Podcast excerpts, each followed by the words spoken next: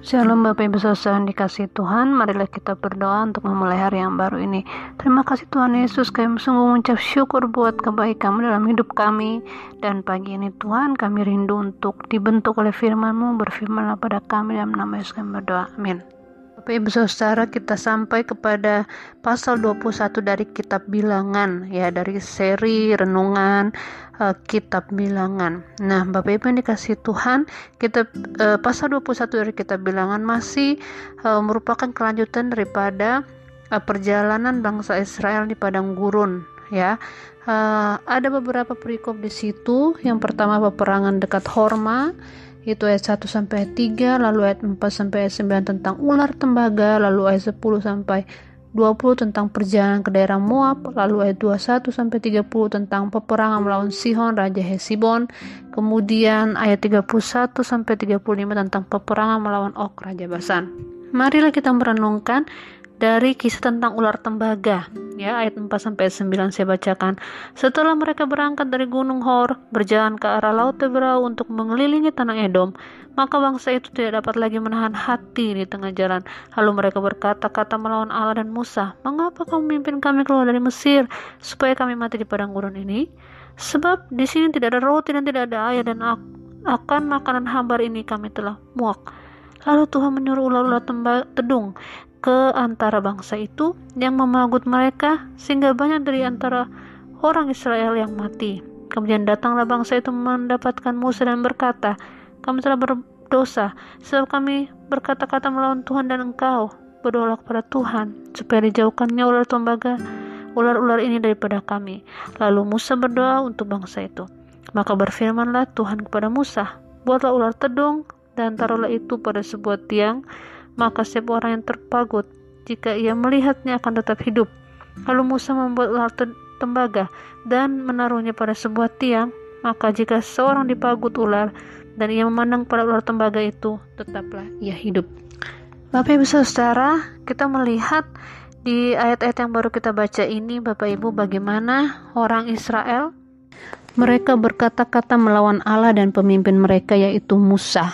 Ya mungkin uh, kalau kita membaca ini maka kita melihat bagaimana bangsa Israel seperti memberontak ya terhadap Allah dan juga kepada pemimpin mereka yaitu Musa. Saya mencoba menyelami atau memahami mengapa orang Israel uh, tidak dapat menahan dirinya lagi untuk uh, mengatakan atau melawan uh, Allah dan juga Musa. Nah, mari kita melihat Bapak Ibu Saudara, kita lihat uh, satu pasal saja sebelumnya itu pasal 20 di mana di mana mereka mengalami kekurangan air, tidak ada air ya. Pasal 20 ayat 2 tidak ada air bagi umat itu ya. Sehingga kemudian hamba Tuhan yaitu Musa dan Harun mengeluarkan air dari bukit batu.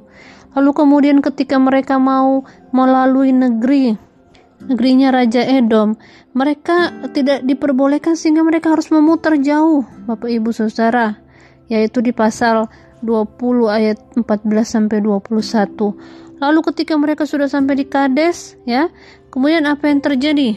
Di dekat Gunung Hor, imam yang mereka kasihi yang juga adalah pemimpin mereka uh, yaitu Harun, ya. Dia meninggal di sana, Saudara. Kemudian masuk ke pasal 21, ketika orang Kanaan tinggal di tanah Negeb, ya.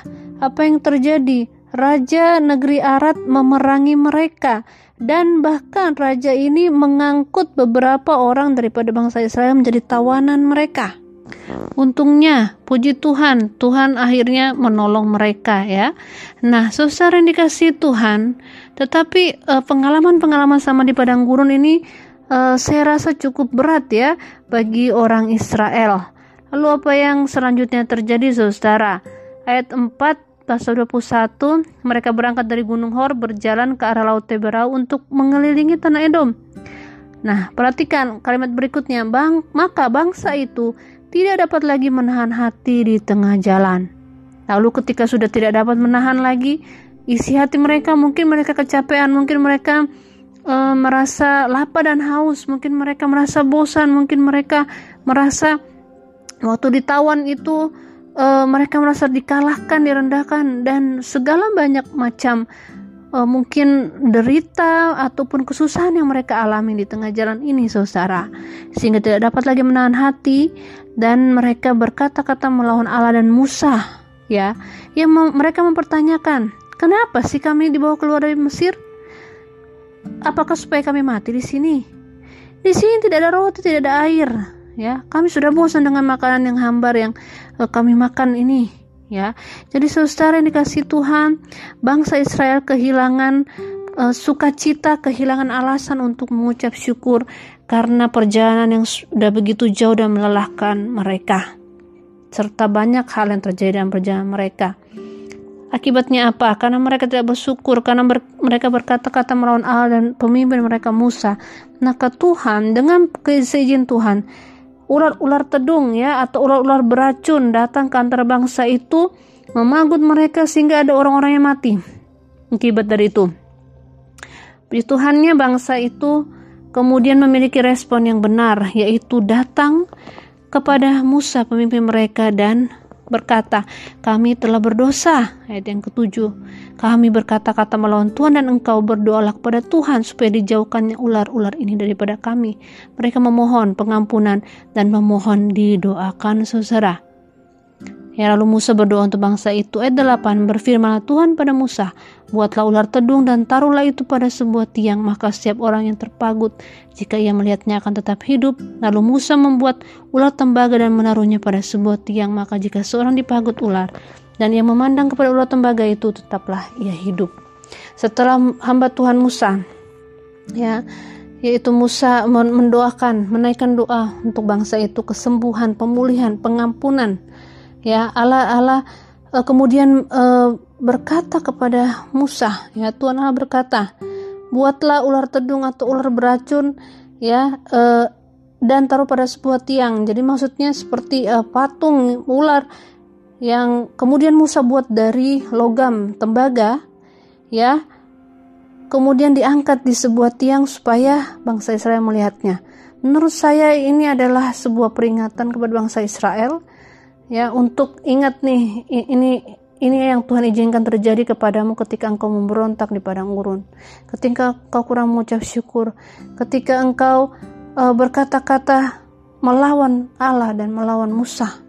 Ya dan tetapi di balik uh, ular tedung ini ya yang kemudian didirikan di atas tongkat itu uh, Allah juga menunjukkan Tuhan Allah menunjukkan pengampunan kesembuhan dan hal menerima kembali asalkan mereka memandang kepada ular tedung yang terbuat dari tembaga tersebut, saudara. Nah, dalam Injil Yohanes pasal 3 ayat 14, Yesus menyinggung peristiwa ini, ya. Yesus bilang, sama seperti Musa meninggikan ular di padang gurun, demikian juga anak manusia harus ditinggikan, supaya setiap orang yang percaya kepadanya beroleh hidup yang kekal. Ya, ada penafsiran mengatakan bahwa ini menunjukkan uh, perkataan Yesus ini menunjuk kepada hal ia akan ditinggikan di kayu salib, ya, disalibkan. Tetapi bagaimana pengobatan Yesus itu membawa kesembuhan, membawa pemulihan bagi orang yang percaya. Amin.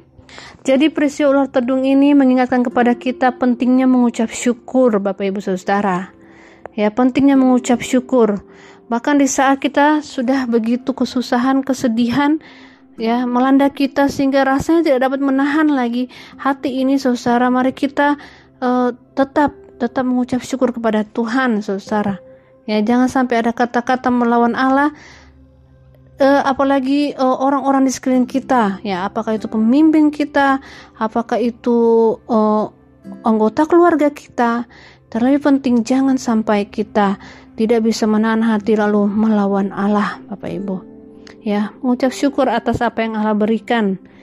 Amin Bapak Ibu Saudara yang kedua yang kita pelajari dari kisah uh, bangsa Israel dan ular tembaga ini saudara adalah pentingnya untuk membangkitkan iman kita kepada Allah. Ya di saat kita merasa ini makanan sudah hambar, ini ada banyak kesusahan di perjalanan, ya mungkin seperti orang Israel yang kehilangan Harun, ya karena meninggal. Saudara eh, banyak hal yang akan melanda kita, yang sedang melanda kita. Tapi saudara pentingnya untuk kita uh, membangkitkan kembali iman kita kepada Allah. Yang ketiga adalah pentingnya untuk memfokuskan lagi pandangan kita kepada Kristus, saudara. Dengan memandang kepada ular tembaga yang ditinggikan, ya, ular tedung yang terbuat dari tembaga ditinggikan di atas tongkat, bangsa saya menjadi pulih, ya, bangsa saya menjadi sembuh, bangsa saya menjadi hidup. Saudara, kita perlu kembali memfokuskan pandangan kita kepada Allah kita dan bukan kepada persoalan hidup kita. Persoalan akan selalu ada. Mari kita belajar untuk mengucap syukur. Mari kita belajar untuk membangkitkan iman kita kepada Allah dan mari kita belajar untuk memfokuskan pandangan kita kepada Tuhan Yesus Kristus. Amin. Mari kita berdoa. Terima kasih Tuhan buat firman-Mu. Ampuni kami yang sering kali menjauh daripadamu. Ampuni kami yang sering kali memandang kepada hal yang lain selain Engkau. Ampuni kami yang sering kali mengandalkan diri kami sendiri. Ampuni kami yang sering kali kami uh, perkataan dan uh, perilaku kami membawa konflik dan tidak benar di hadapan Allah. Tuhan tolong kami agar kami boleh menjadi anak-anak pembawa kedamaian di mana pun kami berada Tuhan. Tuhan sertai kami. Jikalau kami ada yang mengalami kesusahan, Tuhan lepaskanlah kami dari kesusahan ini. Kami mau memandangannya kepadamu.